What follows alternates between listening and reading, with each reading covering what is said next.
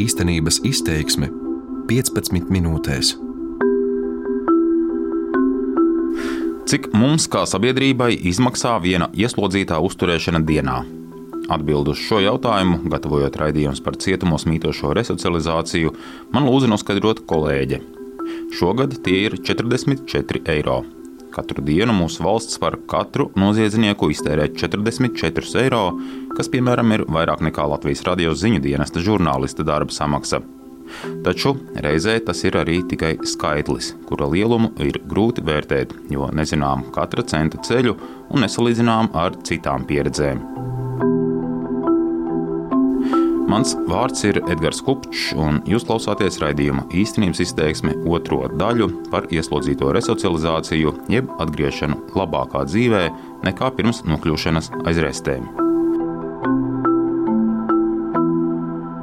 Да, меня зовут Вадим. Я сижу за, ну, попал в тюрьму за то, что приобрел наркотики.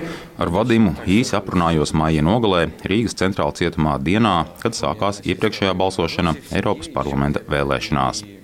Cietumā uz 5,5 gadiem Vadims nokļuva par narkotiku iegādāšanos. Bija grūtības ģimenē un darbā, kāds kolēģis lietojas narkotikas, sāka arī viņš. Tā pazaudēja gan darbu, gan ģimeni. Cietumā Vadims pavadījis gandrīz trīs gadus. Ну, вообще моя жизнь здесь сильно изменилась, мои взгляды изменились, и я понял, что важно иметь ну, какую-то социальную позицию, nu, более открытую, интересоваться. Mana dzīve šeit, cietumā, stipri izmainījās. Arī uzskati mainījušies. Esmu sapratis, ka jāieņem sociāli aktīvāka pozīcija, jāinteresējas par sabiedrībā notiekošajiem procesiem. Tas man ir noderīgi, jo tas palīdz sajusties nevis kā kaut kādam marginālim, bet daļai no sabiedrības. Cik iespējams, skatos televizoru, lasu avīzes. Uzskatu atšķirību dēļ bieži strīdamies ar citiem ieslodzītajiem, aiziet pat līdz fiziskiem konfliktiem. Asākie strīdi saistīti ar politiskiem uzskatiem un nacionalitāti. Nav nekāds noslēpums, ka cietumos liela daļa runā krieviski, lai gan statistika rāda, ka vairums aiz restēm sēdošo ir mūsu valsts piedrīgie. Taču Vadims vēlēšanās nebalso par tiem, kas sola īpašāk gādāt par kādu atsevišķu nacionalitāti. No politiķiem viņš sagaida to, ko jau pašlaik bez deputātu iesaistes varētu darīt cietuma personāls. Двигаемся в такую сторону Западной Европы, толерантности, еще что-то. В первую очередь, вот сейчас попав в тюрьму. Virzāmies uz Rietumē Eiropas vērtību pusi par toleranci un citām lietām. Taču nokļuvis cietumā, sapratu, ka šie vērtību procesi te tiek ļoti degradēti. Šeit nav procesu, kas vērsti uz cilvēku pārmainīšanu. Nu, it kā ir, bet ļoti pavirši. Administrācija dabū naudu kādiem apmācību projektiem, bet kā jūs tur mācāties, ai, tas nav svarīgi. Gribu, lai tas viss ir pa īstam. Esmu runājis ar cilvēkiem, kas bijuši Vācijas un Anglijas cietumos. Gribētu, lai arī mums vairāk palīdz informācijas un izglītības ieguvē, lai vairāk palīdz psiholoģiski. Un vēl ļoti svarīgi ir, lai palīdzētu adaptēties jau pēc atbrīvošanas. Daži te pavada 15 gadus, es 5. Pat jēdzīgi parunāt ar bijušo sievu vairs neprotu. It kā saprotu, ko viņa saka, bet neizprotu tās reālās dzīves vajadzības un rūpes. Esmu izkritis no īstās dzīves, bet pēc iznākšanas sabiedrība uz mani skatīsies kā uz noziedznieku, kas tūlīt kaut ko nozags. Ar šīm lietām ir jāstrādā. Jo faktiski, kas mums trūkst šobrīd, ko es noteikti saskatu 28 gadu strādājot ieslodzījuma vietas sistēmā un lielā mērā resocializācijas jautājumiem. Mums nav tā arī izveidota valstī atbalsta sistēma bijušiem ieslodzītiem. Ģenerāle Ilona Spure ieslodzījuma vietu pārvaldi vada nu jau sešus gadus. Viņa ir pirmā tik augsta līmeņa vadītāja sieviete šajā sistēmā, bet ievies izmaiņas ne tikai šajā ziņā. Viņas vadībā ieslodzījuma vietu sistēma lauž pati sevi, mainoties no bargas soda izpildes uz palīgu ieslodzītajiem kļūt citādiem. Pašlaik lielākās problēmas pūre saskata tieši mirklī, kad ieslodzītais cietumu pamet. Resocializācijas process ir tas, kas viņam iedod psiholoģisko palīdzību, sociālo atbalstu. Un, ja vien pats ieslodzītais ir motivēts saņemt šo palīdzību, viņš viņu tur saņem. Cits jautājums ka tas beidzas ar cietuma vārtiem. Viņš varbūt pat ir motivēts tiešām mainīties un vairs neizdarīt atkārtot noziedzīgu nodarījumu. Bet iekļauties sabiedrībā kā normāls līdzpilsonis mums, atveras vārti, viņš iziet ārā. Ja ārā nav sakārtotas šīs pamatlietas, tad Maslava piramīda elementāri viņš iziet ārā, ko viņš tajā vakarā ēdīs. Vai viņam ir biļetei, lai aizbrauktu līdz kaut kādam punktam. Cietums viņam uh, var iedot biļeti līdz tam, teiksim, uh, līdz tai adresē, ko viņš ir norādījis, kur viņš dodas, jā, dzīves vietai, piemēram, vai nezinu, sociālajam dienestam. Bet tālāk, ja viņš aizbrauc to savu dzīves vietu, vai viņš var uzreiz neiekārtoties darbā, uzreiz, protams, nākamā dienā nesaņemot kaut kādu atalgojumu vai avansu, vai viņš var aizbraukt līdz tam punktam, kārtot kaut ko vēl.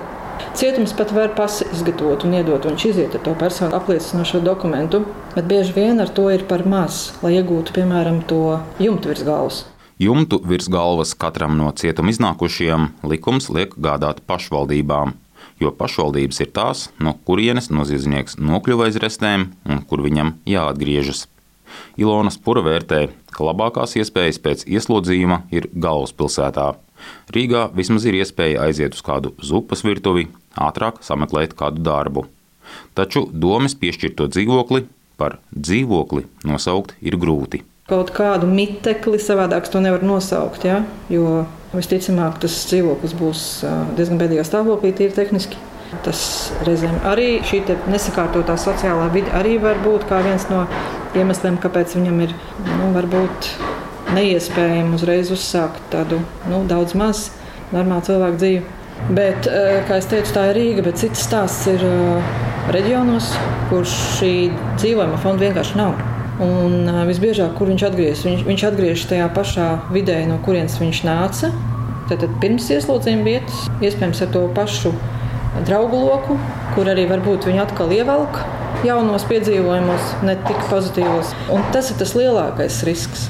Kamēr ieslodzījuma vietu pārvalde cenšas mainīt savu 2,5 tūkstošu nodarbināto attieksmi pret cietumos esošajiem, ar domāšanas maiņu lēnāk sokas pašvaldībām, kuru cilvēki ir nokļuvuši cietumos. Cilvēki, kas ir atgriežušies no um, cietuma, nav tie paši pirmie, kas ir uzskaitīti. Protams, arī tā dzīvojuma platība, ko viņiem piedāvā, nebūtu tā pati labākā. Nu, tad, tad tas, tas dzīvojamais fonds nebūtu atbilstošs labam dzīvoklim. Aino Salmiņš ir Latvijas pašvaldības savienības padomnieks tautsēmniecības jautājumos. Šī valdība apņēmās izstrādāt atbalsta mehānismus īres fonda radīšanai valstī. Un tālāk mēs neesam tikuši kā tikai apņemšanos to darīt. Ne likums īri, ne daudz citu normatīvu aktu joprojām nav pieņemti. Joprojām valstī notiek diskusijas par to, vai pašvaldības tieši var iesaistīties dzīvojamā fonda radīšanā vai nē. Tā kā jautājums ir atklāts. Bet pašvaldībām jau tāpat ir jānodrošina sociālie dzīvokļi un virkni funkciju. Nu, ja par, pašvaldībām, protams, varam jau sarakstīt visi 14 kategorijas, un pašvaldībām jāizvēlās vai nodrošināt ar apdzīvojumu platību vispirms vāreni, vai nodrošināt ar apdzīvojumu platību cilvēku, kuram uh, stihisks nelaimes dēļ ir sagrauta ēka vai nodrošināt maznodrošinātu personu, kurai ir nepieciešama apdzīvojuma platība. Vesels 14 grupas. Un... Katru gadu pašvaldības saviem iedzīvotājiem piešķir ap 1100-1200 dzīvokļu. Tas nav nekāds jaunais dzīvojamais fonds, bet mitekļi, kas vietvaru valdījumā nonākuši pēc privatizācijas procesiem. Nolaisti mitekļi daudz dzīvokļu mājās un vecas privātmājiņas uz sabrukšanas robežas. Ik gadu 67 dzīvokļi nepieciešami tiem, kas iznāk no cietumiem. Trešā daļa ir tiem, kas jau ir reizi izlikti. Apmēram 15-20% ir bāriņi, 10% ir šīs personas, par ko mēs tagad runājam, un atlikušie ir tie, kam nu pienākās. Tā, tā, tā prognoze ar atzīmo platības nodrošināšanu joprojām mūsu valstī ir atklāta. Vai tā nav arī pašvaldības pašas prioritāte vai šo dzīvojamo fondu, kaut vai sociālās mājas, renovēt, celt, necelt, netaisīt? Nu, tā ir neatbildētā diskusija saimā, kurā oficiāli nav pateikts, vai pašvaldības var būt attīstītāji. Joprojām diskusijas par to, ka dzīvojamo fondu var attīstīt tikai tirgus. Bet nav jau runa par to, ka tagad, lai būtu metālurga darbiniekam, kur dzīvot. Bet taisnība ir tieši par tām 14 kategorijām. Ja mēs domājam, jūs jau runājat par, 14... par īres tirgu, par jā, jā. īres dzīvokļiem. Nu, neapšaubām, tāpēc, ka, lai nodrošinātu šīs 14 kategorijas, ko mūsu valsts piedodiet aizmirst, ir jānodrošina darba cilvēku resursu nodrošinājums. Ja mēs piesaistām cilvēku resursus, tad mēs varēsim palīdzēt arī citām kategorijām. Pašlaik notiek tā, ka tiek piedāvāts tām 14 kategorijām tie dzīvokļi, kas ir palikuši pāri no privatizācijas. Tā ir tā lieta. Un, un, un tas nozīmē, ka liedzot pašvaldībām strādāt kā attīstītājiem dzīvojamā fondā, mēs jau citiem nespējam palīdzēt. Mēs joprojām pārdalām to, kas palicis pāri no privatizācijas. No privatizācijas palicis pāri tas, kas nav citiem paticis vai arī dzīvošanai nederīgs. Tā ir tā, diemžēl, realitāte. Realitāte parāda, ka pašvaldībām bijušie ieslodzītie, ko ieslodzījuma vietas centušās mainīt, tomēr nepatīk. Ietvaras domā kā uzņēmējas, kā iespējami vairāk nopelnīt. Tādēļ tās grib būvēt nevis mājokļus grūdieniem, bet gan īres namus, kuros deklarētos kārtīgi strādājošie un kur nodokļi nonāktu pašvaldību budžetos. Strādāt vēl cietumos un arī ārpusē grib arī paši ieslodzītie, taču viņus, līdzīgi kā pašvaldības, negrib darba devēji. To parādīja pavasarī publiskotais pēc Tieslietu ministrijas pasūtinātais sabiedriskās domas pētījums. Kad jūs pati pēdējo reizi tikāties ar vienu ieslodzīto vai pēcieslodzīto? Ar 17 notiesātiem vakardien vadīja izvērtēšanas komisiju Rīgas centrālā cietumā. Vai viņiem ir bijuši pārkāpumi vai nebija pārkāpumi, ko viņš tādu labu ir darījis pirmkārt ne priekš komisijas, bet uh, priekš sevis, lai mainītos. Tatjana Trubačova ieslodzījuma vietu pārvaldē vada resocializācijas daļu.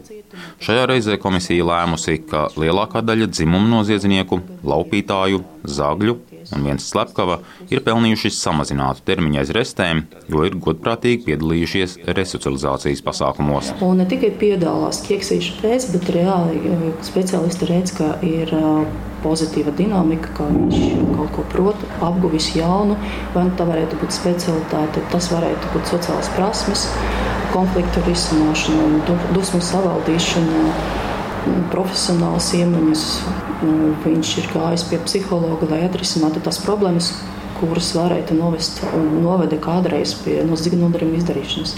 Ja mēs runājam par cipariem, tad uh, varu pateikt, ka salīdzinājumā ar iepriekšējo gadu mums uh, Tagad 50% no ieslodzīto mācās gan vispārējās izglītības programmas, gan profesionālas izglītības programmas, gan arī neformālas izglītības programmas. 25% notiesāto arī ir nodarbināti. Salīdzinājumā ar Eiropas līmenī, Eiropā 23% vid, nu, vidējais nodarbinātības līmenis ir 23%, kas arī ir ļoti labi. Tātad darbs cietumā ir katram ceturtajam ieslodzītajam.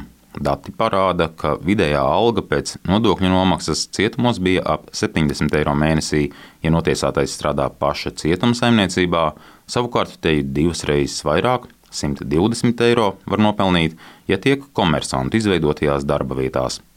Ieslodzītie šūju formas tērpus tiek algoti kokapstrādē, piepelnās, gatavojot pusdienas paši sev stāsta resocializācijas daļas vadītāja Tatjana Trubačova. Strādāt interese būtu lielāka, nekā ir iespējas. Noteikti spriežot pēc notiesāto iesniegumiem, viņi tiešām vēlās strādāt, bet ļoti ierobežots piedāvājums no mūsu puses gan runājot par saimniecisko apkalpi, kuru finansē pārvaldību no sava budžeta, gan arī no komersantu puses. Un, kad mēs runājam ar komersantiem, viņiem ir tāda vēlme paplašināt savas iespējas un uzaicināt uz darbu vairākus cilvēkus, bet atkal mūsu rokas ir sasietas ar to, ka mums nav infrastruktūras atbilstošas. Un mums pat bija gadījums viens no, kurš ļoti labi ilustrē to situāciju, ka komersants vēlējās arī atvērt uh, ražotni Jakpils cietumā un Daugavgrības cietumā, bet, uh, kad viņš ir atbraucis uz cietumu, paskatījis uh, dabā, kā izskatās telpas, viņš saprata, ka nē, tādos apstākļos viņš nevar nodarbināt notiesātos. Viņš atteicās no šīs iespējas. Statistikas dati par ieslodzītajiem Latvijā un citvietā Eiropā ir grūti salīdzināmi kaut vai atšķirīgās likumdevēja pieejas dēļ. Vēl pirms krimināla likuma mīkstināšanas Latvija bija saraksta augšgalā, ja rēķina ieslodzīto skaitu uz 100 tūkstošiem iedzīvotāju. Taču šo to salīdzināt var. Piemēram, Lietuvas sodu izpildes departamenta pārskatā redzams, ka 2017. gadā mūsu kaimiņu valsts cietumos darba iespējas bija 40% ieslodzīto, gandrīz divas reizes vairāk nekā pie mums. Savukārt Eiropas padomes ikgadējā soda statistika rāda, ka Lietuva uz katru ieslodzīto tērē 23 eiro dienā. teju divreiz mazāk nekā mēs. Un tā visticamāk nav nekāda labā ziņa. Pēc datiem var secināt, ka jo attīstītāka valsts un tās ieslodzījuma infrastruktūra, jo lielākie ir arī izdevumi ieslodzīto uzturēšanai un atgriešanai dzīvē. Igaunijā pirms diviem gadiem uz katru ieslodzīto izgāja vidēji 50 eiro dienā, Vācija tērē 130 eiro, bet Norvēģija teju 300 eiro dienā. Turpretī šķietami vistaupīgāk ar valsts budžeta naudu uz ieslodzīto rēķinu rīkojas Krievija. Tur katrs cietumnieks izmaksā 2,5 eiro dienā. Tieslietu ministrija, kā par sodu izpildu atbildīgā institūcija, nevar viena panākt, lai cilvēki cietumos vairs nenokļūtu vai tiktu pienācīgāk apgādāti vismaz kādu laiku pēc izkļūšanas brīvībā. Turklāt ieslodzījuma vietu pārvaldes priekšniece ģenerāle Spure uzskata, ka būtiski vairs nekritīsies nec noziedzības līmenis, nec ieslodzīto skaits. Taču Tieslietu ministrijas valsts sekretāra vietniece tiesību politikas jautājumos Laila Medina ir pārliecināta, ka pat mazi uzlabojumi var sniegt būtiskus ieguvumus mums kā sabiedrībai. Ja šobrīd mēs esam gatavāki kā jebkad, ja valdība izšķirās naudu piešķirt nu, mēs uzreiz lāpstu pār plecu un ejam. Principā šobrīd mēs sakām, ka lielāko daļu problēmas mēs varam atrisināt ar vienu cietumu. Jo tas ieguvums, kad ja recidīvs, kas Latvijā ir konstatēts, samazinātos kaut vai par 1%, tad tie ir miljoni, ko valsts budžets iegūst. Un ko cilvēki nezaudē veselību, dzīvību, mantu un tā tālāk. Jūs klausījāties raidījuma īstenības izteiksme. To gatavoja Edgars Kupčs un skaņu operators Renārs Šteimanis.